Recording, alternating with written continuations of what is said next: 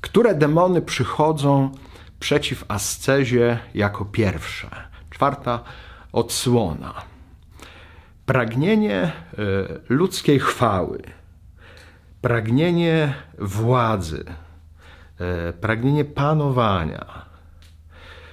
To oczywiście rodzi się z jakiejś e, potrzeby kontrolowania swojego życia, jakiejś potrzeby niezależności, że nam w pewnej zależności, w posłuszeństwie, w tym właśnie, żeby inni odbierali chwałę, Y, że tutaj jest jakieś zranienie w nas. I jeżeli zaczynamy praktykować ascezę, zaraz też ten demon przychodzi jako e, jeden z pierwszych. Tak jak już mówiłem o obżarstwie, o chciwości, to trzeci jest pragnienie władzy ludzkiej chwały gdzie ja chcę rządzić, gdzie ja chcę kontrolować, gdzie ja nie mogę sobie tego odpuścić, bo mi się wydaje, że tu coś zostanie stracone, albo wręcz mi się wydaje, że asceza nie będzie możliwa, jak ja sobie tego panowania nie zapewnię.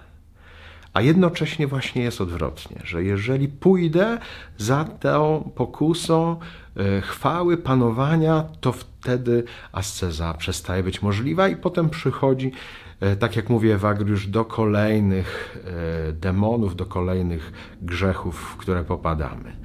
Zobaczmy dzisiaj, szczególnie temu się przyjrzyjmy, gdzie ja mam chęć panowania, chęć kontroli, chęć władzy, chęć zdobywania własnej chwały, a nie życia w zależności od Pana Boga, też często od drugiego człowieka, dlatego że tego domaga się miłość.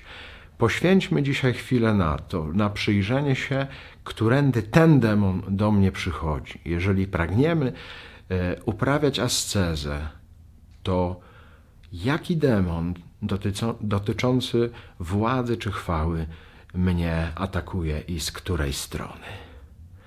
Zawsze, jak zaczynamy ascezę, przychodzą demony.